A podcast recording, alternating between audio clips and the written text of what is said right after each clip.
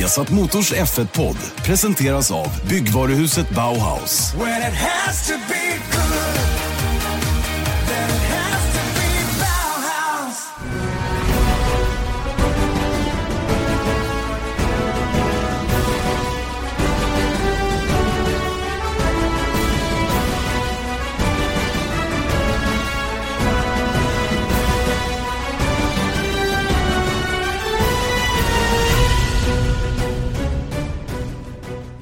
Hallå där och mycket välkomna ska ni vara till Vesat Viasat Motors Formel 1-podd med Janne Blomqvist och Erik Stenborg.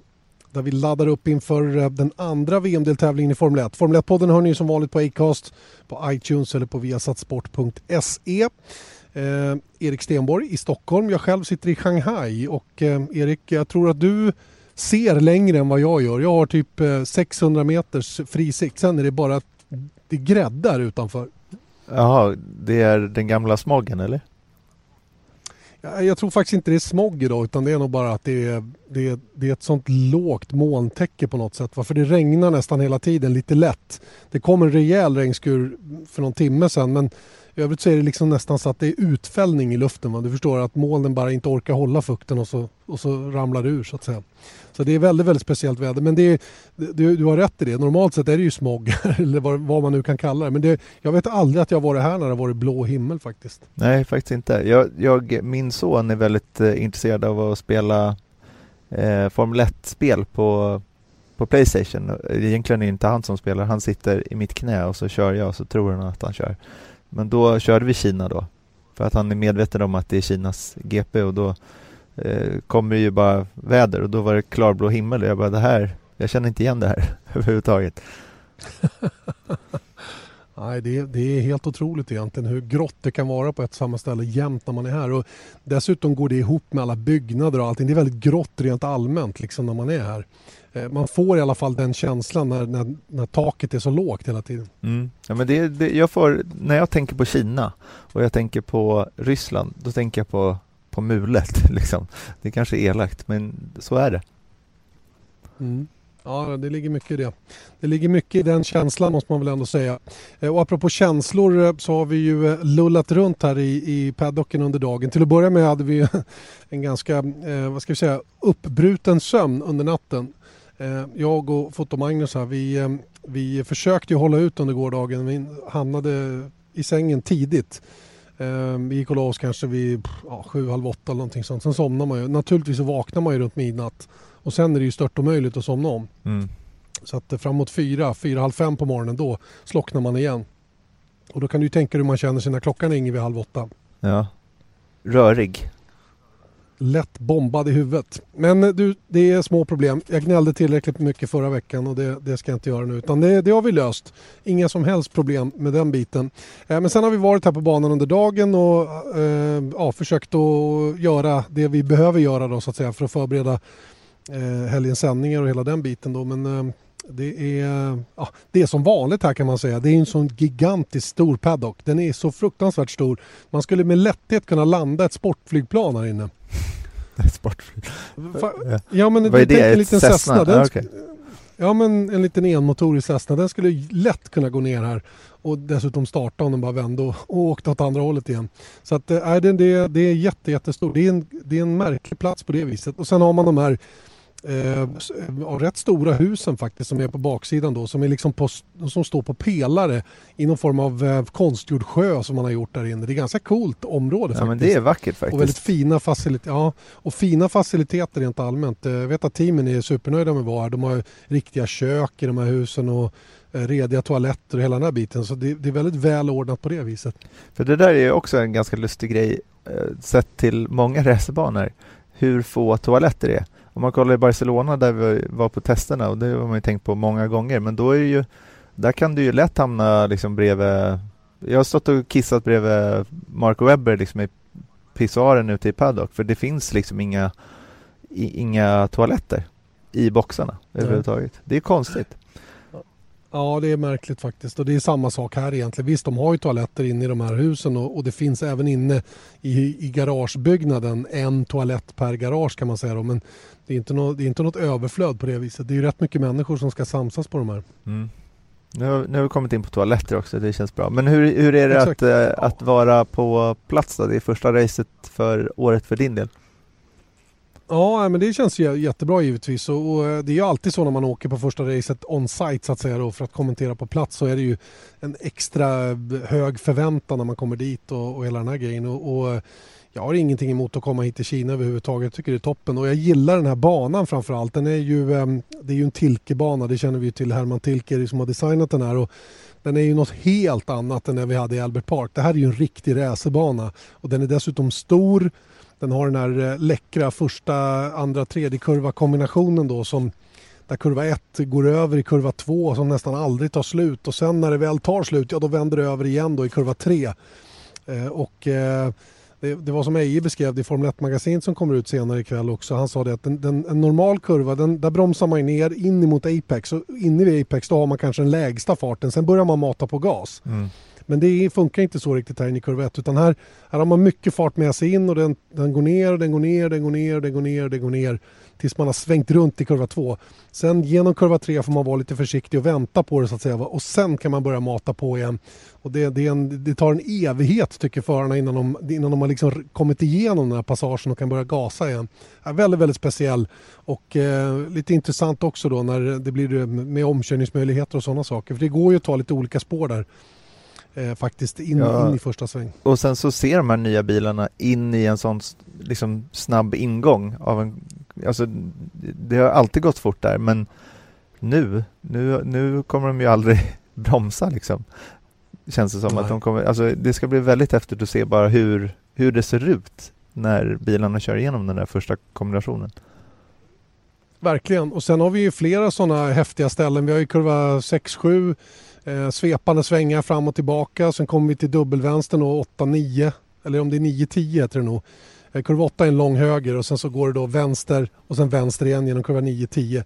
Sen är det ju då en raksträcka så kommer man till kurva 11 som är vänster och sen så har vi den där långa 12 som sen mynnar ut i kurva 13 som sen leder ut på långa rakan. Och kurva 13 är ju den där bankade svängen mm. och gissa om det kommer att gå undan där med den här ökade downforce som man har, bättre däck i år och sen bankningen på det. Och så vet man att det är full makaron ut på långa raksträckan. Det kommer att bli tufft där borta tror jag. Mm. Ja, men det är också, och det är första gången vi kommer få se förarna liksom med, med eh, inte bara en så här peak-G-kraft, eh, precis när de bromsar in eller svänger in, då kommer det ju upp på 6,5 eller vad det är. Men nu kommer de ju hålla där uppe ganska lång tid. För de kommer kunna pressa så, så långt in i kurvan. Mm. Ja, det blir läckert. Och sen efter långa raksträckan kommer man till fjol, kurva 14 då. Och det här, här är ju då eh, DRS-zon nummer ett så att säga då. Och eh, där får man ju ungefär halva raksträckan på sig att åka med öppen vinge då. Och det ska bli intressant att se hur, eh, hur bilarna kommer att hantera det. För att grejen är ju att kunna ligga tillräckligt nära genom 13 Eh, och sen orka åka med ut första halvan av långa raksträckan och tills man kommer till DRS-strecket, får öppna vingen och sen tror jag att det kommer bli precis på gränsen att man har så mycket mer fart att man kommer upp jämsides mot kurva 14 och sen försöka attackera då in i den hårnålen. Och det är precis så det ska fungera. Jag läste faktiskt något intressant om DRS i en artikel på Autosport häromdagen där, eh, där eh, jag egentligen fick förklaringen till varför man införde DRS överhuvudtaget. Mm.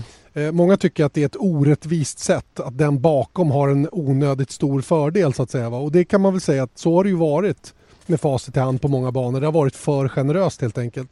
Men tanken var ju att på något sätt eh, eh, kompensera för svårigheten att ligga nära bilen framför med att ge då motsvarande extra tid så att säga med hjälp av DRS.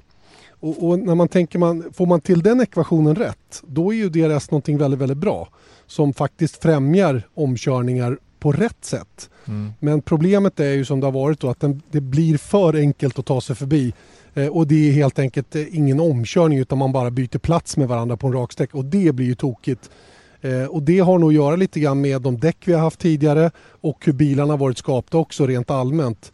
Eh, nu är det en helt annan grej och jag tror faktiskt att eh, vi kommer att få se första gången den här säsongen eh, lite mer hur det kommer att fungera resten av året. Albert Park är ingen bra måttstock så att säga och det har vi sagt flera gånger med tanke på att den banan har för korta raker och det är en, det är en parkbana som är svår att köra om på oavsett vad man har för material så att säga. Mm. Men det, jag läste den där artikeln också. Det jag tyckte det var intressant är just att däcken är nyckeln nu mer sett till DRS för att det har också varit en, att när man inte kan försvara sig eller trycka på tillräckligt hårt med de gamla däcken då har det varit en, ett ytterligare problem för DRS för att då har det bara varit en eh, släppa förbi situation i stort sett. För att eh, om du kommer i fatten, eh, om man tar Albert Park som, en, som ett exempel, så är ju eh, Verstappen och Hamilton situationen till exempel att även om, om eh, Verstappen var mycket långsammare än Hamilton när, när Hamilton kom i fatt så hade han svårt att komma om.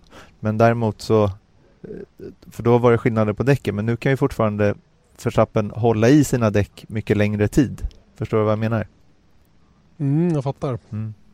Och att, eh, nej, men att däck, nej, men... däcken hjälper till att eh, få att DRS att fungera på, mer på rätt sätt. Just. Nej, men jag, tror att, eh, jag tror inte man ska vara så negativ som många har varit runt omkring de här bitarna. Inte än. Det tror jag är väldigt, väldigt förhastat att tro att det bara kommer att bli eh, tråkigheter. Att det, det liksom blir tåg av bilar och ingen kommer förbi någon annan. Att man måste vara så himla mycket snabbare än framförvarande bil rent generellt för att överhuvudtaget kunna köra förbi. Eh, jag tror, det är, jag tror det är att dra förhastade slutsatser. Jag säger inte att det kommer att bli som jag hoppas. Men jag tror att man ska ge det lite tid i alla fall innan man sågar, Eh, sågar, sågar det liksom helt och hållet. Jag, jag, jag avvaktar några helger innan, innan vi vet riktigt på, på allvar hur det här kommer att se ut under året. Ja men i allra högsta grad. Det tycker jag vore den dummaste grejen man kan göra och det är väl lite det som är problemet med eh, eh läste en annan artikel på Autosport också där, de, där en person då eh, orerar lite runt att hur kunde Formel 1 som, som helhet vända premiären i Australien till någonting negativt. Och det är ju faktiskt en, en, väldigt intressant tanke med tanke på vad vi pratade om i förra veckan efter Australiens GP, att det var ju eh, ett bra race. Dock få omkörningar, men det är ju hade att göra med bankaraktären som vi, som vi pratade om också. Men mm. det, var ingen, det fanns ingen katastrof någonstans tycker jag. Och ändå så kunde liksom det finnas någon form av negativ känsla runt eh, Australiens GP ändå. Och det är det som är så himla konstigt. Den som är negativ har fel eh, ingångsvärden skulle jag då säga. Jag säger inte att den personen har fel. För man får ju tycka vad man vill och, och, och vill man ha omkörningar, mer omkörningar, då, då tycker man ju det. Och då, men jag tror att man har fel ingångsvärden. Mm. Eller inte korrekta ingångsvärden. För att eh, vissa saker är inte heller möjligt att, att få till och det måste man ju också acceptera på något sätt. Va? Och det, det är nog mera det att man får se saker till hur det verkligen är i, i, i, ehm, i realiteten så att säga. Och det kan jag tycka att en del har lite bekymmer med att veta vad som är möjligt att göra och inte göra. Och där, där har ju sporten som sådan då ett stort ansvar att försöka förklara det. Och det är ju egentligen bara ingenjörerna som bygger bilarna och sådana som vet vad som är möjligt att göra. Sen kan ju vi lekmän och journalister och allt vad det nu är sitta och prata om att man ska göra om reglementen hit och dit och, och vad det nu är för någonting. Va? Den perfekta formulan den har vi varit inne på tidigare finns ju inte riktigt va? utan det gäller att hitta den bästa tänkbara kompromissen. Och, och um, det var ju som Eje uttryckte också i magasinet som kommit senare idag att, att uh, han ser ju hellre två eller tre eller fyra omkörningar med rejäla fighter innan. Ja. Eller där man har följt med och legat och attackerat och att det blir bara de fyra omkörningarna i hela racet än att det är vad var det, vad sa du här förra året, 126 stycken ja, passeringar. Ja. Ja, och det, och det är ju liksom, det är ju bara en devalvering av ordet omkörning. Det tycker inte jag passar in på det, på det ordet överhuvudtaget utan det är ju rena platsbyten och sådana saker. Så att, eh, som sagt, jag tror man får eh, man får fundera lite grann på vad man, vad man tror eller vad, man, vad som är möjligt att göra så att säga innan man kritiserar det för hårt. Ja, och speciellt då, jag råkar läsa Damon Hills bok som faktiskt är väldigt bra eh, just nu. Och då pratar han om säsongen 94, 95, 96 där. Och då tycker jag att det är så, det blir nästan spännande att, att läsa det för att det var inte heller sådana här äh, gigantiska omkörningsfester på den tiden heller. Eh, Verkligen inte. Men däremot så var det ju den här grejen att, att det var taktiska spel, det var olika eh, mängder av depåstopp och du vet han beskriver någon, någon gång i, eh, i, där 94 i Adelaide när de senare går ihop då att, att eh, då var ju eh, Schumacher på en tvåstoppare tror jag och eh, Hill på tre. Och vilket gjorde liksom att han kunde kämpa sig fatt och liksom komma nära och sen då pressa honom till ett misstag som gör att han kör ut på banan igen, vilket Hill inte ser och som går dem ihop. Att det blir ju ett spännande race bara att läsa om det. Och det är väl lite det, samma känsla jag hade under Australien, även om det, än en gång, det var inte det bästa jag någonsin sett, men det var fortfarande en spänning i det hela vägen. Jag kan inte hålla med mera. Det är, det är helt korrekt det du säger. Va? Och det är, det är lite så man måste se på racen också. Det är det jag tycker vi har saknat de senaste åren. Att, att möjligheterna till lite olika varianter på strategi. Det har varit liksom eh, det, det, har varit för lätt att ta sig igenom trafik till exempel. Hela den biten har ju varit eh, och då menar inte jag varvad trafik utan som Hamilton senast som hamnade bakom Verstappen mm. som låg kvar längre än man hade räknat med och så, och så, och så blev det då en, en, en, eh, en stor kompromiss för Hamiltons race att säga istället då. Den typen av grejer har ju försvunnit de senaste åren och kommer nu tillbaka igen och det tycker jag är himla kul. Mm. Och det, det bygger ju också mycket på att Ferrari kanske då verkar vara en mer riktig utmanare till Mercedes. För det var ju också ett problem då att när Mercedesen var så himla bra 14, 15, 16 så liksom, det, det var inget problem att komma förbi och eh, även om man startade sexa några gånger eller vad det var för i fjol så kom jag ändå upp på liksom tvåa. Han kunde ju starta 20 och komma mm. upp eh, på tredje plats ändå. På pallplats. Och det blir ju liksom lite konstigt. Ja, verkligen. Nåja, det är om detta. Jag eh, ser fram emot helgens race och dessutom så är ju vädret en stor faktor den här helgen. Det har som sagt regnat redan och, och eh, prognoserna är ju inte direkt eh, torra om man säger så då, för resten av helgen. Dessutom är det svalt. Mm. Eh, riktigt kyligt faktiskt där nere. Det var, det var varmt igår när vi kom. Då var det nog en bit över 20 grader, kanske upp mot 25. Helt vindstilla och så det här gråa täcket runt omkring så att säga. Eh, men idag så har det varit lite mer blåsigt och lite kyligare och sen det här regnet som har kommit också. Då. Det kommer ju definitivt att spela en avgörande roll. Speciellt med tanke på att ingen riktigt vet hur regndäcken kommer att fungera fortfarande trots att det har testats en del. Mm. Eh, det sägs också att Pirelli kommer med nya gummiblandningar när det gäller regndäcken den här helgen. Eh, det har jag haft lite svårt att bekräfta till 100% men det lät så när jag pratade med några i alla fall. Bland annat Marcus Erikssons ingenjör där att, att Pirelli har någon annan gummiblandning när det gäller regndäck till den här helgen då för att ännu lite bättre då ta hand om, om regnvädret. Men jag pratade med honom också om det här faktumet att, att problemet med regndäcken är ju att man aldrig bygger om bilarna för regn utan man kör ju alltid en bil som är byggd för torrt mm. men med regndäck. Och att det får konsekvensen att bilarna inte bara planar på däcken, vattenplanar på däcken utan på vattenplanar på underred och allting.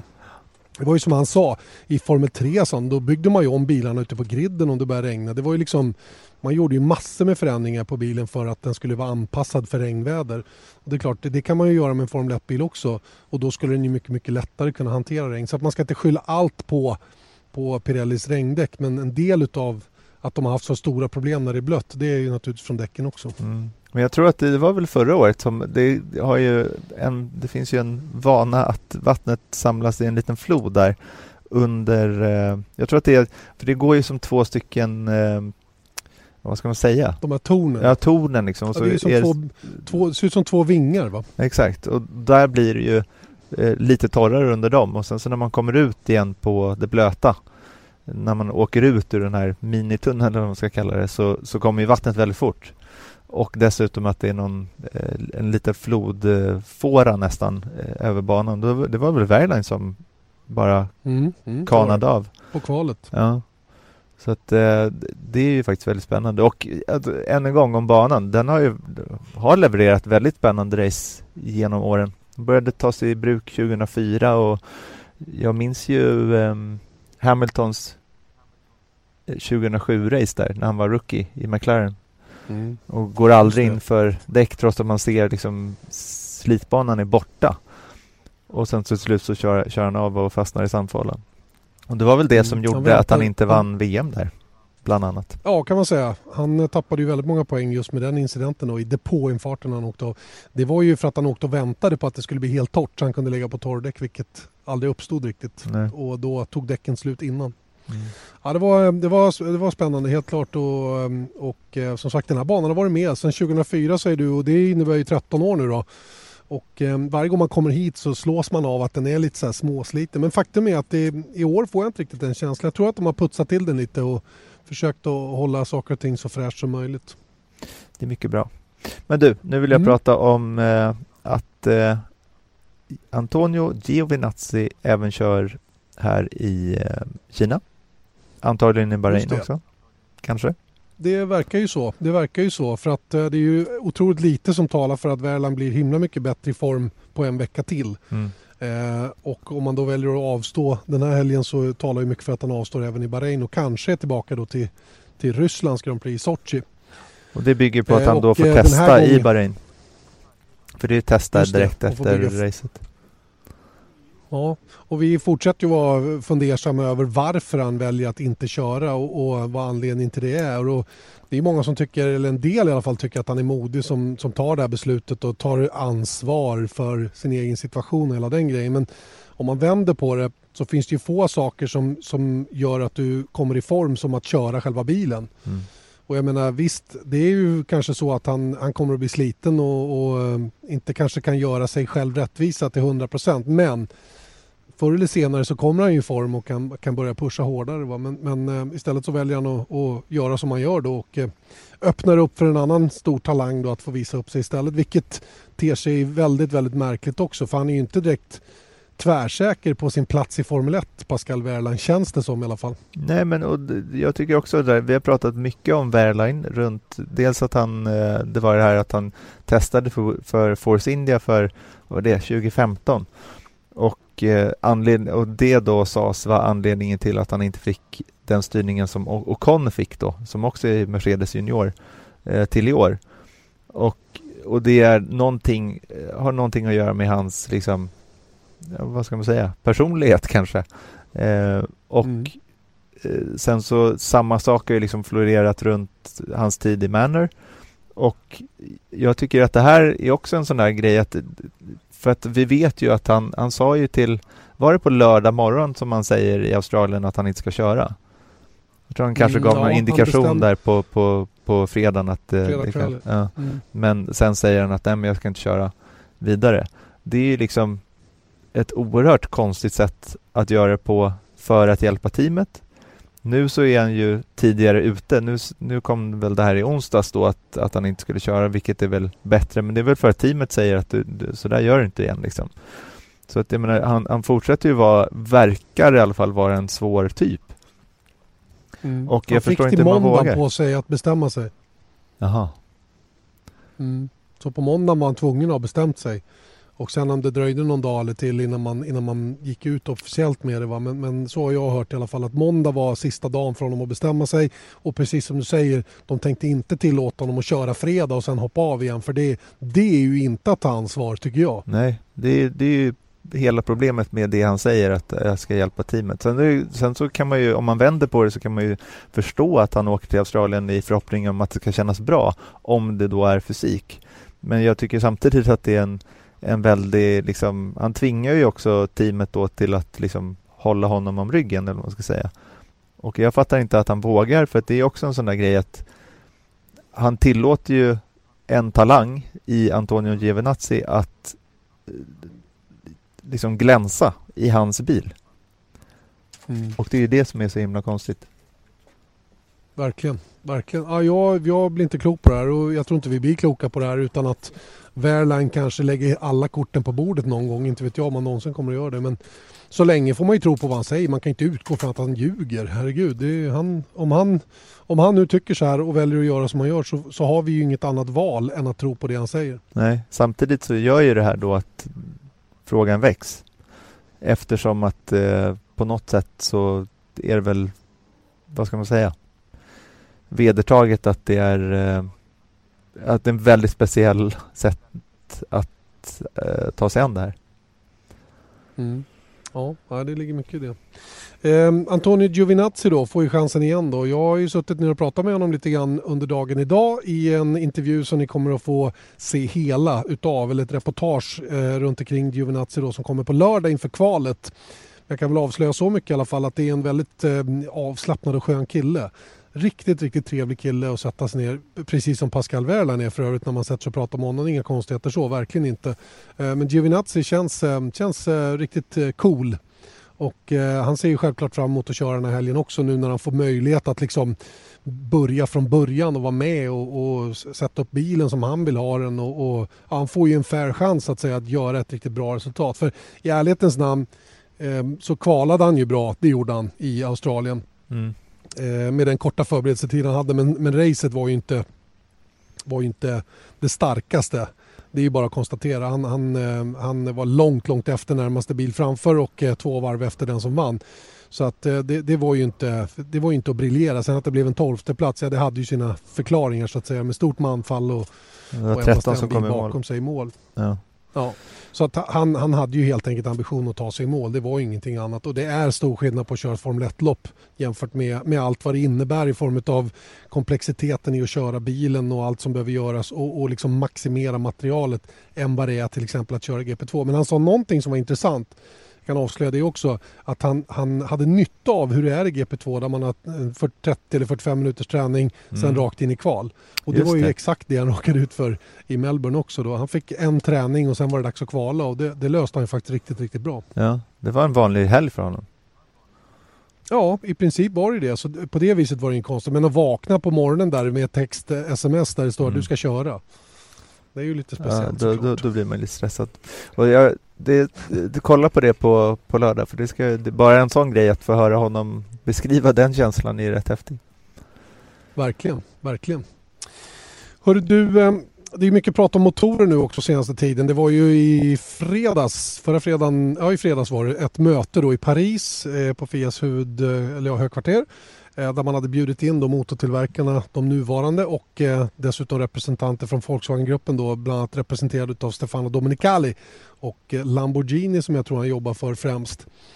Och man skulle då prata framtidens motorformula då och det tycker inte jag är konstigt att man gör redan nu för den tiden behöver motortillverkarna för att veta Eh, för att veta vad de ska liksom sikta in sig på framöver. Så att det är inte speciellt tidigt. Jag, jag hörde nämligen Sebastian Vettel nu under presskonferensen efteråt så fick han frågan om vad han vill ha när det gäller motorer, kommande motorer. Han var ju väldigt inne på att, att ehm, eh, han vill ha mer, mer cylindrar och han vill ha enklare motorer och, och hela den grejen. Eh, och menar på att fansen har varit kritiska, förarna har varit kritiska och, och, och framförallt till ljud och, och alla de där. Det är ju liksom inget nytt, va? Så, mm. så har det ju varit. Eh, men, eh, men han menar på att det är ju därför, det är ju, han menar på att, att det är någonting som är galet och vi skulle aldrig haft det här mötet fyra år i förväg. Men det tror inte jag stämmer. Jag tror att man har haft sådana möten tidigare också i god tid mm. för att diskutera vad en eventuell motorformula ska bli. För att um, det, det, just den kommentaren tror jag inte stämmer. Utan, men, men det är väl bra att man pratar om det och framförallt att man inte underskattar vissa saker som jag tror man gjorde med det här reglementet. Man, man trodde att ljudet från V6-turbon skulle vara tillräckligt bra ja. och så bommar man det helt och hållet. Och när kritiken kom och var rätt massiv, ja då var det för sent att göra någonting åt. Den situationen behöver man inte hamna i nästa gång så att säga. Nej, och det menar att, att möta, det är ju jätterelevant att om man har förhoppningen att eh, nya tillverkare ska komma in, till exempel Audi eller Volkswagen i någon form, då måste man ju fråga så här, vad skulle få er intresserade av det? Man kan ju inte bara säga här, det här är det vi ska göra, anpassa er eller försvinn liksom. Och det, det är inte så man, man bjuder in dem, för det är klart att det är viktigt för Formel 1 att ha tillverkare och helst en, en ny och det var väl det som var grejen med Renault där, att det var ju som jag förstår det var väldigt mycket de som pushade för att Renault som företag, de har inga supersportbilar i, i den meningen, så då var en V6 Turbo jätterelevant för dem. Ja, för det var ju faktiskt en V4 från början, eller en 4 från början. Var det det? Som det var tal om. Men man gjorde, ja, ja, ja, visst. Men man kompromissade och sa att vi tar en V6 med turbo och ett komplicerat hybridsystem eh, istället. Så att det var ju ännu mindre motor som det pratades om från allra första början men, men man enades om en sexa istället. Då. Mm. Men, att, men... Eh, och det roliga var att... Ja, ja förlåt. Kör du. Jo, jag pratade med Eje och han, han, eh, han är ju, hans minnen är ju från stenåldern. Men det är ju roligt ändå. För han, eh, han, han drog en parallell som är lite intressant. Han, den, den, den mest F, eh, hästkraftstarka motor han någonsin kört i, i en Toyota, en Grupp C-bil, det var en liten fyra. Ja. Som hade 1060 hästkrafter. Jösses. Med en singelturbo. Lite boost. Eh, ja, han sa ju det. det var ju, och de höll, ju inte, de höll ju inte alls. Och framförallt gick det ju inte att åka med full boost och alla de här 1060 hästkrafterna speciellt länge eh, i, i perioder i racen utan man hade det lite då och då. Och det var ju samma sak under turboeran också i Formel 1 för, för en för, mm. tidigare. För man pratar ju mycket om att de plockade ut gott och väl över 1000 hästkrafter ja. också. Ja, till och med det. Men det var ju också bara korta perioder. Det är ju en stor skillnad mot i år. För nu, de här motorerna som används idag, där kan man ju i princip ha 1000 hästkrafter varje varv om man vill. Mm. Inte riktigt hela tiden, men i mycket större utsträckning än vad man hade på den tiden. Ja, men 900-950 har nog varenda bil liksom. Och det är ju ja, rätt det, det, jag skulle inte Absolut, jag tror inte någon är under 900 hästkrafter, verkligen inte. Va? Och någon är säkert över 1000 också om man får möjlighet att mäta det till 100 procent. Mm. Nej, men jag tycker, alltså, men, men vad skulle du vilja, alltså ledorden för det här mötet har ju varit det som kommit ut efteråt är väl ungefär att det ska vara eh, billigare och därav något mindre avancerat vilket gör det billigare och bättre ljud. Ja, det låter mm. ju bra, men samtidigt så tycker jag så här Turbo, det är väl Say hello to a new era of mental health care. Cerebral is here to help you achieve your mental wellness goals with professional therapy and medication management support. 100% online. You'll experience the all new Cerebral Way, an innovative approach to mental wellness designed around you. You'll get a personalized treatment plan from a therapist, prescriber, or both in a safe and judgment free space. Your cerebral therapist or prescriber will outline a customized plan with clear milestones along the way so you can get to feeling your best. With Cerebral, you're not alone in your mental health journey. We're here to empower you to live a fulfilling life. So take that first step towards a brighter future and sign up today at cerebral.com slash podcast and use code ACasts to get 15% off your first month. Offer only valid on monthly plans. Other exclusions may apply. Offer ends July 31st, 2024. See site for details. Att motorerna ser ut som de gör idag det är ju, de är kanske lite för avancerade sett till kostnaden. Man har bara hört eh, hårresande siffror. Men att det är turbomotorer med hybridteknik tycker jag känns högst relevant fortfarande. Jag, jag kan inte, jag menar nu kommer ju liksom Porschar med sådana här typer av motorer också. Jag förstår inte varför varför inte supersportbil har väl, har väl den här tekniken, har de inte det? Jo men exakt, Porschar. Det är det enda märket jag bryr mig om. Okej, okay, jag fattar. Ja. Jag fattar. Ja, nej, men jag, jag, jag har också svårt. Jag, men, men fixa bättre ljud, det kan inte vara någon större svårighet om man bara vet att det är det man ska fixa ja. från början och inte struntar i den delen. Så att säga. Jag tror inte det är några som helst bekymmer att få en motor som väsnas mer. Det tror jag kommer att vara helt lugnt.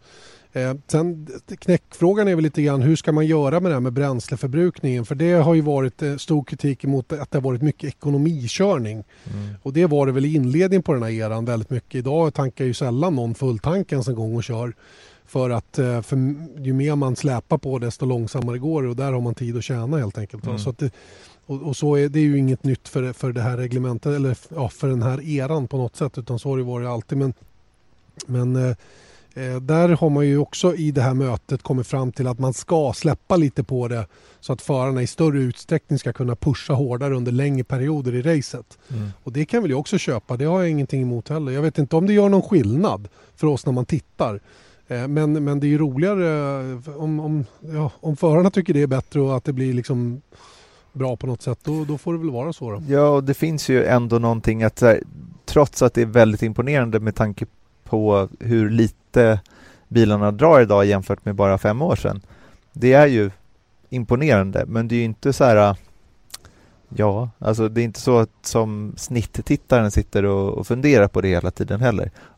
Och dessutom så har väl Formel 1 haft lite eh, inte haft så lätt att kommunicera det heller för att det låter inte så ballt. Liksom. Och det är väl någonting som de nästan försökt dölja liksom, om man, om man tänker sig att man vill att folk ska tro att det är liksom eldsprutande monster, vilket det är och, och var det redan 2014.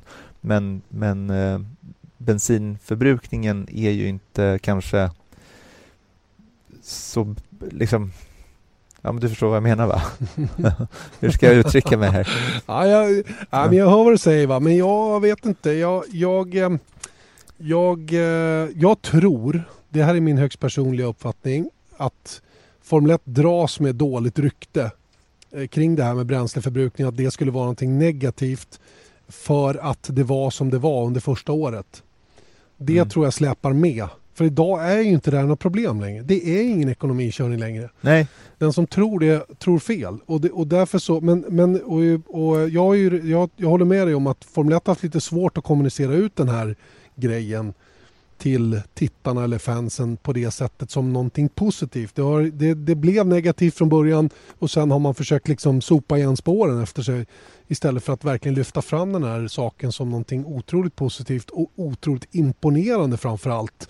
Att kunna ha så mycket effekt och så snabba bilar, till och med de snabbaste i Formel 1-historien mm. med så pass lite åtgång av bränsle. Mm. Ja, och det är, det, är det som är grejen. Det är häftigt, men det är det jag menar, det sitter ju inte snitttittaren och tänker på hela tiden. Även om, om vi skulle säga det fyra gånger varje sändning så hade det inte varit så mer imponerande för om man inte förstår exakt vad det innebär eller förstår det historiska perspektivet så hade det ändå inte blivit liksom hittat hem, tror jag. Och det är det jag menar. Nej. Om en bil drar istället för 105 kilo bränsle på ett race så drar det 150.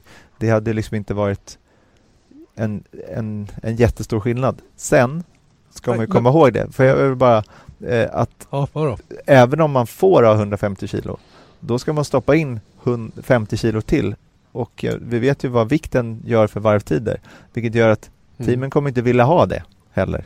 För att jag tror att en, en, gräns är nådd någonstans i form av att hur mycket tusen hästkrafter kan göra för varvtid sett i vikt det är bättre att ha mindre vikt än att ha liksom möjlighet att uh, gå upp i hästkraftsantal eller vad det nu kan tänkas vara till 1050.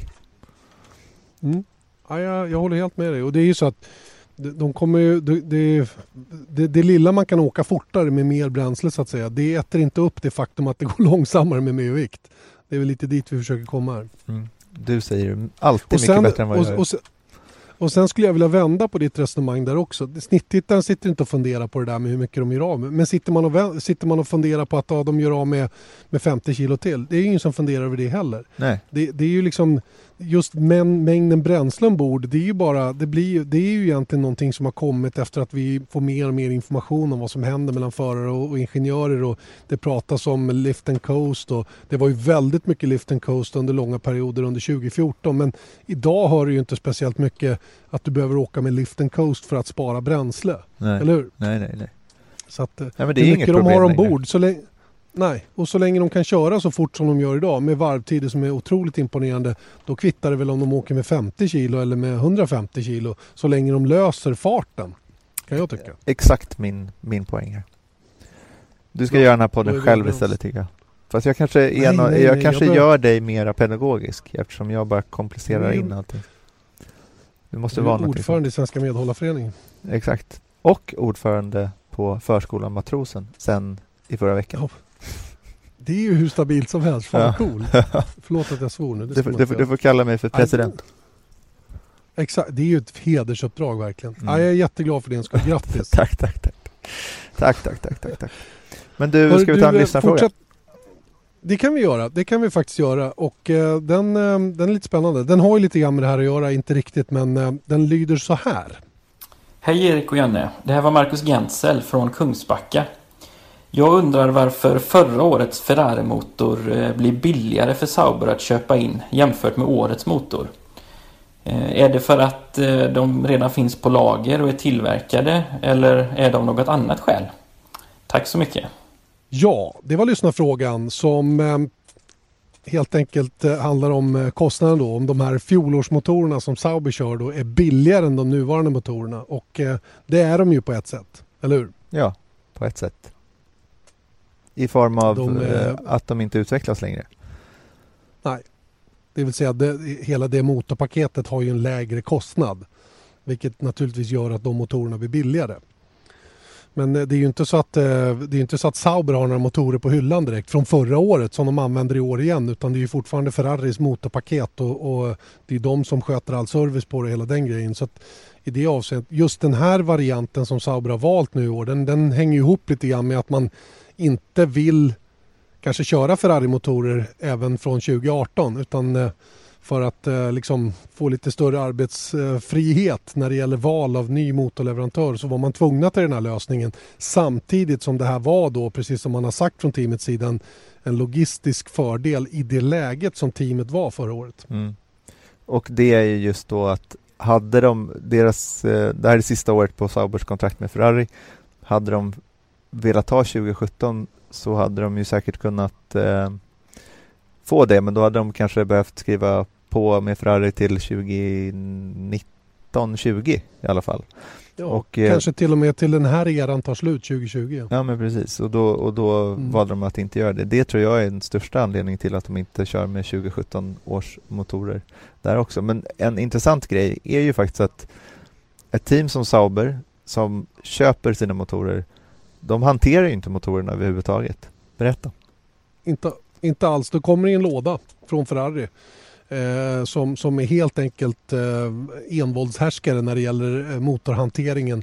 Och motorerna kommer alltså i en låda och sen så monteras de på bilen. Det görs ju naturligtvis av mekanikerna hos, hos Sauber. Och det här gäller ju samtliga kundteam. Det är samma läge för allihopa. Fabriksteamen har ju naturligtvis mer tillgång till motorerna än, än vad kundteamen har. Men det finns eh, inget annat än Ferrari-ingenjörer som jobbar med motorn på Sauberbilen eller någon annan av deras kundteam. Så att, så att det, det, är verkligen eh, skilda skott där om man säger. Mm, och de har till och med Ferrari-kläder på sig fast de sitter inne i, i Saubers garage. Ja, så är det. Och um, de har ett gäng italienare där nere som, som sköter de här bitarna och, och uh, jobbar med mjukvaran och hur den ska hanteras och skötas rent allmänt. Mjukvaran är för övrigt någonting som man fortfarande tror jag uppdaterar och fixar lite med även om det är en fjolårsmotor hos Sauber. Det, det är jag helt övertygad om att de gör. Så att det är inte helt stannat men själva hårdvaran utvecklas ju givetvis inte då vilket det gör hos de andra. Och det var ju lite oroande ärligt talat i, i Melbourne att det var så stor skillnad mellan de nya motorerna och den här fjolårsmotorn. Jag hade uppfattningen om att det skulle vara betydligt mindre avstånd mm. så här i början på säsongen i alla fall än vad det var. Nu fick jag reda på idag att, att um, det fanns nog lite mer marginal hos, hos Sauber då, som är det enda teamet som kör fjolårsmotor men de hade lite problem med kylning och sådana saker som gjorde att man fick hålla igen och, och förhoppningsvis kanske inte gapet fram är så stort som det verkade i Australien i alla fall. Nej. Nej, men jag tycker, så att, eh, svaret på frågan är i alla fall att det, har egentligen ingenting med pris att göra eller att, att det ligger, det var inte så att Sauber bara snackade under vintern, men vi har ju de här eh, motorerna kvar, ska vi inte köra dem igen liksom, som ligger på hyllan utan det är det är ett leveranskontrakt med Ferrari som de säkerligen betalar lite mindre för än vad de hade gjort med 2017 års motor men det var andra anledningar till att de, att de gör det. Korrekt. Och det leder oss in på nästa, nästa, eh, nästa del i det här med motorerna då, där eh, det pratas mycket om förhållandet mellan McLaren och Honda. Eh, Sauber har ju seglat bubblat upp som en av de som skulle kunna köra Honda-motorer också från och med 2018 och framåt. Det har ju till och med pratats om att, eh, att McLaren vill hoppa av det här samarbetet med Honda och det skulle ju kanske ställa ett samarbete mellan Sauber och Honda i ett ännu gynnsammare läge om man säger så.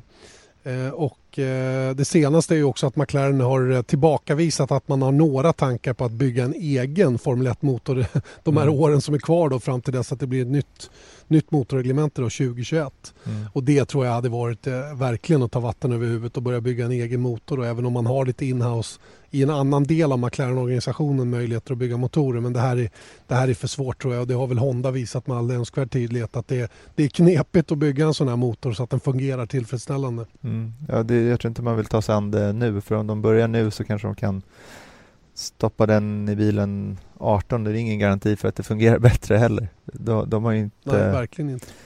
Det finns väl sådana någorlunda vattentäta skott mellan McLaren och Honda också, så de kan väl inte gå bara bygga vidare på Honda-motorn så att säga.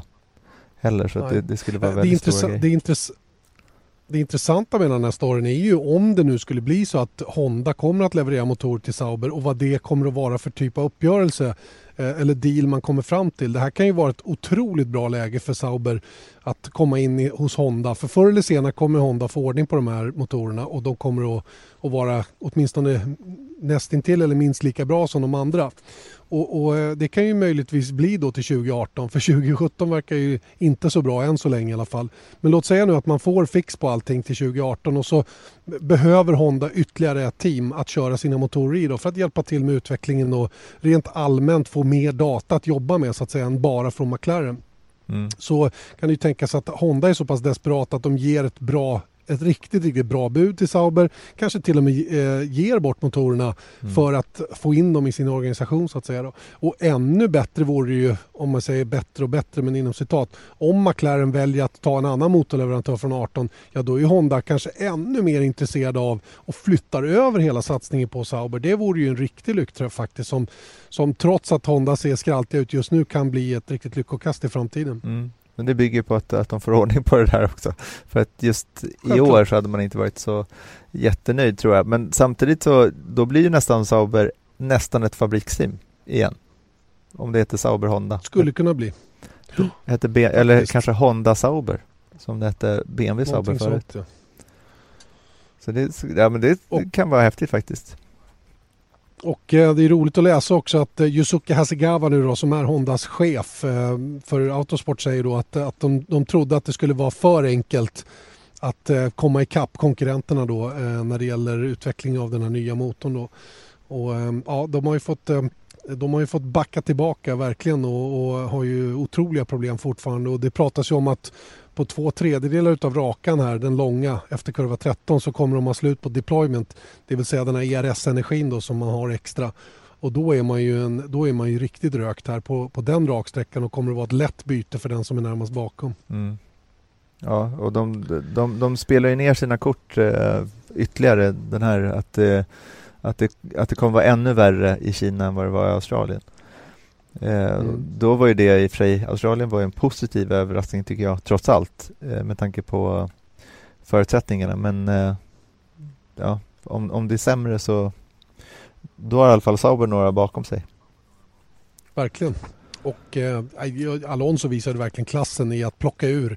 Snacka om att kunna ta ut det som finns ur ett paket på det sättet som han gjorde i Australien. Det är, det är så sjukt imponerande, verkligen. Mm. Du, jag bara, det slog mig en mm. liten grej där runt eh, när vi pratade om Ferrari eh, och eh, Sauber. I och med att det är de här vattentäta skotten mellan Ferrari och Sauber. Att det är Ferrari som styr motorerna och Sauber vet ju egentligen inte vad vad eh, Eh, jag vet var det är på väg. Ja, vad Ferrari hittar på. Nu har vi en tredjeförare för Ferrari. Han är inte mm. en young driver, men Giovinazzi är ju kontrakterad tredjeförare för Ferrari. Kan de skruva lite där tror du? Det tror jag. Mm. Om de skulle vilja. Ingen aning. Det är klart att, det, är, klart att eh, det är lätt att bli konspiratorisk men det, det förutsätter att vi verkligen ser stora skillnader på banan kanske imorgon eller resten av helgen. Då, då kan man ju börja fundera de banorna. Men har väldigt svårt, svårt att tro det ändå på något sätt. Jag vet inte. Jag vet inte. Det där är en jättesvår fråga. Jag gillar inte att, jag gillar inte att bli konspiratorisk men, men eh, visst. Det är ju det är en, det är en större risk i alla fall att Ferrari gör så med Giovinazzi att Wehrlein skulle få den fördelen. Ja, det skulle de inte göra. Om han körde då som, som Mercedes för. Nej. Mm.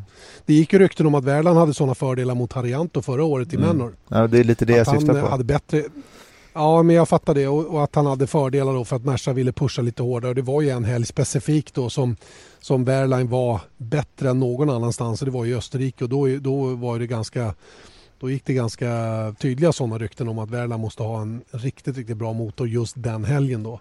Där han dels kvalade väldigt bra och sen även körde upp sig till en tionde plats och tog den där poängen som så när gjorde att teamet faktiskt överlevde mm. eh, in i den här säsongen också. Mm. Ja, jag hoppas verkligen att det inte är så. Man har hört väldigt mycket sånt där om eh, DTM. Att det är liksom bestämt i eh, februari vem som ska vinna eh, DTM-mästerskapet. Men eh, mm. jag hoppas innerligt att det inte pågår sånt. Och det är ju i sådana fall, ja, om det är någon tröst, om det skulle hända så är det ju inte liksom Saubers avsikt utan det är ju någon annan mekanik då som, som pågår. Men nu, nu har vi planterat Mm. någonting och eh, det kanske vi inte skulle ha gjort för det har vi absolut inga belägg för. Men eh, det slog mig Inte bara. det minsta. Jag var tvungen att säga Ja, det. men det är ju värt att, värt att ställa frågan. Du, innan vi går vidare ska vi bara ta en liten, liten kort paus för att släppa in lite reklam. Vi är strax tillbaka. Ja, då fortsätter Viasat Motors Formel 1-podd och eh, vi har pratat motorer en lång stund och nu tycker jag att vi ska fokusera på det som vi har framför oss den här helgen. Det känns ju oerhört eh, kul tycker jag med den här underbara fighten som började i Australien då med, eh, med Ferrari som faktiskt kom ut längst fram efter racet och eh, såg ut och ser ut att kunna utmana Mercedes. Ställde faktiskt frågan till Kimi Räikkönen här eh, efter, eller ja, på presskonferensen som var och han sa vi har inte kört ett varv ännu så jag har ingen aning. Nej. Ungefär så svarade han. Vad, att, vad säger eh, din då- analytiska förmåga? Eh, jag är nog inte riktigt lika säker på att man har någon fördel här i Kina som man hade i Australien eller visar sig ha i Australien när man vann på fart faktiskt. Mm. Eh, det, som, det, som, det som backar upp det så att säga är ju att de kunde ha vunnit fjolårets race i Australien också om de inte hade gjort bort sig med däcken. Mm. Men de hade ju ingen chans resten av säsongen egentligen med fjolårets bil. Men det som talar emot mitt resonemang det är ju att Ja, Ferrari var så Kanada pass hade mycket de. närmare Mercedes. Ja, Kanada då. Men, men eh, det var ju samma sak där. Det var ju lite dabbning i, i depån som strulade till för dem. Men oavsett det så, så Ferrari var så pass mycket närmare Mercedes i Australien i år jämfört med förra året. Så att jag, jag vill tro och jag hoppas att Ferrari är riktigt, riktigt nära Mercedes även här i Kina. Även om jag tror att de kommer att få tuffare på en sån här bana än vad de hade i, senast i, i Melbourne. Mm. Magkänslan, magkänslan säger att eh, jag tror också att det kommer bli tuffare men jag har aldrig trott att Ferrari är före Mercedes utan det, jag tror att de är jämna. Säger min magkänsla. Och det är där jag Mm. tror att det kan gå lite hur som helst. Att det handlar då om att eh, få till ett kval och få till ett bra start och eh, få till rätt strategi och då kan de vara lika mycket före som efter. Diplomatiskt svar kanske? Nej, men, ja, jo då. Eh, Men, men eh, det är ju så. Det går ju liksom inte att se det på något annat sätt. Utan, och Kimi har ju rätt i en sak. De har ju faktiskt inte kört en meter än. Och hur ska vi kunna veta? Det, det, det krävs några fler race för att se någon trend på, på riktigt så att säga. Och därför så blir det väldigt svårt att ställa den frågan till en förare innan säsongens andra race. När man bevisligen har haft bra fart under det första men att den banan är så pass speciell som den är.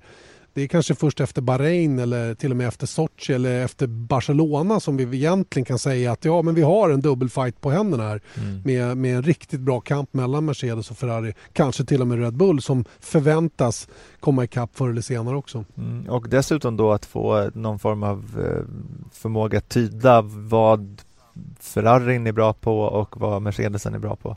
Och kanske vad Red Bullen är bra på. På vilka typer av banor jag menar. Ja, ja, jag, jag ehm, som sagt, jag, jag, jag hoppas och tror att det är jämnt där framme. Sen spelar det inte mig inte så stor roll om det är en Mercedes, Ferrari eller en Red Bull som vinner. Det är inte det som är det viktiga. Det viktiga är att eh, dels att, Merca, att det sätts press på Mercedes Mm. så att de inte bara kan segla runt. Och eh, jag tycker vi såg det redan i, i, i Melbourne att när de inte kommer loss som, som Lewis Hamilton inte gjorde under första stinten så blir de lite konfunderade. Mm. Och eh, den gången så tvingades de till ett, ett, eh, ett beslut där Hamilton gick i depå. Och jag satt efteråt och funderade på behövde han verkligen gå i depå så tidigt? Eh, Med, med tanke på att han hade banposition så att säga. Va? Mm. Hade det inte varit bättre? Nu var de givetvis också rädda för en undercut men för, för Merca visste ju att när de gjorde sitt depåstopp så skulle de komma ut bakom Verstappen. Det var ju glasklart. Mm. Eh, sen var det ju bara en fråga om hur länge Verstappen och Vettel skulle våga ligga kvar ute. Normalt är ju att gå in före bättre än att vänta så Mm. som det ser ut nu. Men i år är ju däcken annorlunda. Så den fördelen kanske inte finns på samma sätt längre. Och det tycker jag visar sig ganska tydligt då. Och dessutom så är det ju svårt att ta sig igenom trafik som är på däck som är långsammare men fortfarande för snabba för att bara blåsa förbi. Och det var ju det som, som Hamilton råkade ut för senast då. Mm. Och det är där jag tror att Mercedes ibland har visat lite, det är ju för det är inte ovanligt att alla team gör det någon gång, men att just bli lite konfunderade om man tittar på Monaco eh, när eh, Hamilton går i, efter den där safety caren så går han i, i depå och eh, sätter på nya däck medan de andra stannar ute och då kan han inte komma, komma loss heller. För att i Monaco kan man inte köra om överhuvudtaget.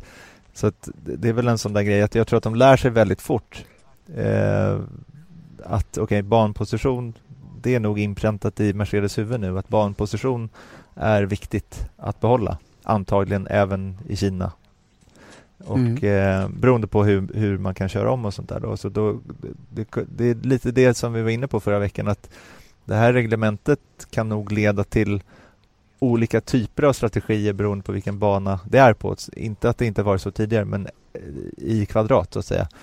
Att man måste liksom mm. titta på vad har vi för möjligheter här?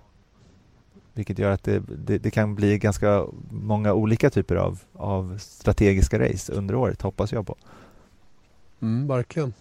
Och sen är man ju grymt spänd på mittfältsfajten eh, eh, återigen då. Eh, Carlos Sainz var med på presskonferensen här och han, eh, vi pratade lite grann om, eller jag ställde frågan, årets bilar har ju enligt eh, utsagor då, eh, är betydligt känsligare för setup-förändringar. Eh, att de reagerar väl, väldigt mycket snabbare mm. än, än, vad de har gjort tidigare och det är ju det är någonting som teamen naturligtvis måste ha med sig. Ja. Och eh, det där eh, är ju lite trixigt minst sagt och, och, eh, det gäller att träffa det där rätt om man ska komma ut längst fram i det där otroligt tajta mittfältet. Mm. Ja men den där, och där hoppas jag också på att det ska lite mer tendenser i, eh, i hur, hur de teamen ligger till för att det var också var ju det där att okej okay, Hylkenberg var 11 eller vad han var och eh, Palmer var ingenstans och sen så ännu värre Grosjean sexa och Kevin 18 att det är liksom att det börjar visa sig lite mer för att just att var det en avart då att eh, Haas var sexa eller var det är de 18 det, det kan ju vara någonstans mittemellan mm. också. Att, eh, det är någonstans mittemellan tror jag. Ja, jo men så är det ju såklart. Och det, är, det heter ju mittfältet av en anledning men, men eh, bara för att kunna se lite mer tendenser. För min magkänsla är exakt. väldigt villrådig nu, måste jag säga. Alltså, det, ja, den, den, det kurrar i magen kanske lite? Ja, det måste vara så. Och i mm. hjärnan. Okej. Okay. Eh, det, det gör ju att vi nu måste ge oss på det här som är så oerhört svårt. Mm. Nämligen tippa. Du leder ju med 2-1 efter den första tävlingshelgen. Yep. Du hade två, av, två, två poäng på de tre möjliga och jag hade bara en etta. Jag tippade Vettel som vinnare, jag tippade Ricardo i pole, jag tippade att eh, van Dorn skulle bryta först. Mm. Eh, du tippade Hamilton i pole, Vettel vinnare och att Alonso skulle bryta först. Därav 2-1. För du hade två rätt och jag hade ett rätt. Hur ser det då ut för din del den här helgen? Eller egentligen så ska jag ja, få säga först. Tur. För jag fick... Mm. Just det. Okej, okay. då säger jag så här att jag tror, det är ju med tanke på det, det, man behöver inte vara någon hjärnforskare för att träffa någorlunda rätt. Men jag tror att Lewis Hamilton tar pole. Mm. Han hade ett övertag över ett varv senast. Jag tror att Merca har ett övertag över ett varv fortfarande. Så jag tror att han tar pole och jag tror faktiskt att han även försvarar det och vinner racet eh, på söndag. Eh, det gör jag. Och eh, jag tror att det är mm, Mm, mm, mm, mm, jag tror återigen att det är en McLaren som får bryta först och jag håller fast vid Stoffel van Dorn. Tyvärr, för jag gillar honom. Mm. Då, där har vi antecknat då och eh, jag eh, det, det, är inte emot reglerna att rösta på samma men jag, jag tror ändå att eh, magkänsla och förhoppning säger Hamilton. Nej, alltså jag, jag, jag säger Fettel i pole. Fettel på vinst. Alonso första DNF. Det här är okay. renodlad magkänsla. Eller och det är ju så du har tänkt dig att jobba också under mm, året så det är inget konstigt. Jag får inte hålla på och börja analysera. Då är jag illa ute. Exakt, exakt. Nåväl, ni är väl med och drar samma tippning. Det tycker jag är kul om ni kan göra. Ni behöver inte redovisa det men det är roligt om alla är med på ungefär samma och ni får jättegärna höra av er. Vi har ju vår hashtag F1-podden, den går ju att använda mm. hela tiden så att säga, även för sådana saker. Och så kan man ju briljera. Vi kan ju inte kontrollera om ni har rätt eller inte men vi utgår från att alla är ärliga när det gäller att redovisa hur man har tippat. Mm. Det är väl kul om man redovisar eller berättar innan vad man tippar och sen så kan slå oss på näsan efteråt och säga att vi tippade rätt. Verkligen, och vi eh, fortsätter att jobba på denna lite mer permanenta lösning på tippsystemet. Ja, vi, ska, vi ska hitta någon bra variant där så småningom. Jag, jag får fortsatt många bra tips på det där va? men Grejen är att vi har en liten annan tanke med det där än, än, äh, än äh, de tips som vi har fått på hur man ska göra det där. Så vi, återkommer i frågan. Dessutom Erik är det ju så att vi vill ha fler lyssnarfrågor. Det har kommit in många nu och det är jättekul. Men vi behöver ju en varje vecka och fortsätta ös på med, med lyssnarfrågor och gör det också under hashtaggen F1-podden. Yes sir. Så är det med det. Och eh, ska vi runda av med lite sändningstider? Grabbarna kallar mig för Rainman här nere. Jag vet inte riktigt vad de menar med det. För att jag råkar komma ihåg tiderna bara jag tittat på dem en gång. Det gör jag inte varje gång, verkligen inte. Va? Och igår så hade jag glömt min, mitt nyckelkort när jag skulle in på rummet och träffade städerskan. Och då, då ville inte hon släppa in mig bara hur som helst. Så hon ringde ner till receptionen och då fick jag ju då frågan vad har du för passnummer? Och det kunde jag i huvudet. det är starkt. Rainman. Eller hur? Ja, jag är inte helt trött i hjärnan. Även om jag var trött igår kväll så, så um, hade jag koll på mitt passnummer. Så jag fick komma in på rummet utan att behöva åka ner till receptionen och hämta ett nytt nyckelkort. Det här, Bara det, det var det ju vinst för min det, Vilken effektivitet alltså. Det enda jag kommer ihåg Eller är hur? mitt kreditkortsnummer för jag nätshoppar så mycket. ja men det är bra. Ja. Avslöja inte det bara. Nej jag ska inte göra det. Gör inte det. All right. Toppen bra. Vi börjar, vi börjar i alla fall 03.55 natten till fredag med första träningen. Och eh, bara för att jag sa att jag kunde det nu så, så kommer jag inte ihåg när nästa pass börjar. Jag måste bara tjuv, tjuvläsa lite. Jag tror att du försöker komma ihåg mitt kredit, kreditkortsnummer kanske? Så Exakt, 03.55 börjar vi, börjar vi med första träningen. 07.55 börjar träning 2. Så det blir bra till morgonkaffet där. Och är man riktigt sugen på Formel 1 då har man ju bandat första träningen, lägger den kant till kant så har man båda tre, Banda blir tre timmar Formel 1 på morgonen. På Viaplay så finns det nu 48 timmars catch-up-funktion. Ja. Så ni kan bara gå in på Viaplay och se första träningen så fort ni vaknar, om ni vill det. Band. Man bandar på VHSen. Ja, Ingenting annat. Sedan. Radio är rullband. Mm. Hur som helst, träning 3 drar vi igång fem minuter i sex på lördag morgon och sen startar vi kvalsändningen 08.40 och den sänds även på TV10. Viasat Motor via Play och TV10. Och sen på söndag morgon, eh, om ni ska se det live antingen på Viasat Motor eller på via Play så gör ni det med start 07.15. Har ni inte Viasat Motor eller via Play då går det alldeles utmärkt att se vårat highlights eller sammandrag som går klockan 21.00 på kvällen. Right Frågor på det? Nej, inga alls. Right on. Det låter, eh, det låter bra det. Då tycker jag att vi är klara för idag. Jag har i alla fall inte mer att redovisa nu. Jag eh, ska ta min extremt trötta fotograf och åka tillbaka till hotellet. Hans ögon är knallröda. Och han har sovit en stund på stolen här intill. Ja, det var, ja, det var en stökig dag säger Magnus. Ja, det, det... Vem är det som har planerat den här dagen säger Magnus? Det vet jag inte faktiskt. Jag har inte, jag har inte hört något om det. Känner inte till någonting. Nej. Nåja, ja, det är roligt. Nej, Mange är stark. Han, han viker aldrig ner sig. Nej. Aldrig någonsin. Skulle aldrig hända. Vi, vi knotar på här nere och lovar att vara tillbaka imorgon bitti då. Tidigt, tidigt svensk tid. Hoppas ni är med oss då. Och för Formel 1-poddens del så säger vi nu tack och påtrörande. Tillbaka om en vecka igen. Janne Blomqvist och Erik Stenborg. Vesat Motors F1-podd presenterades av byggvaruhuset Bauhaus.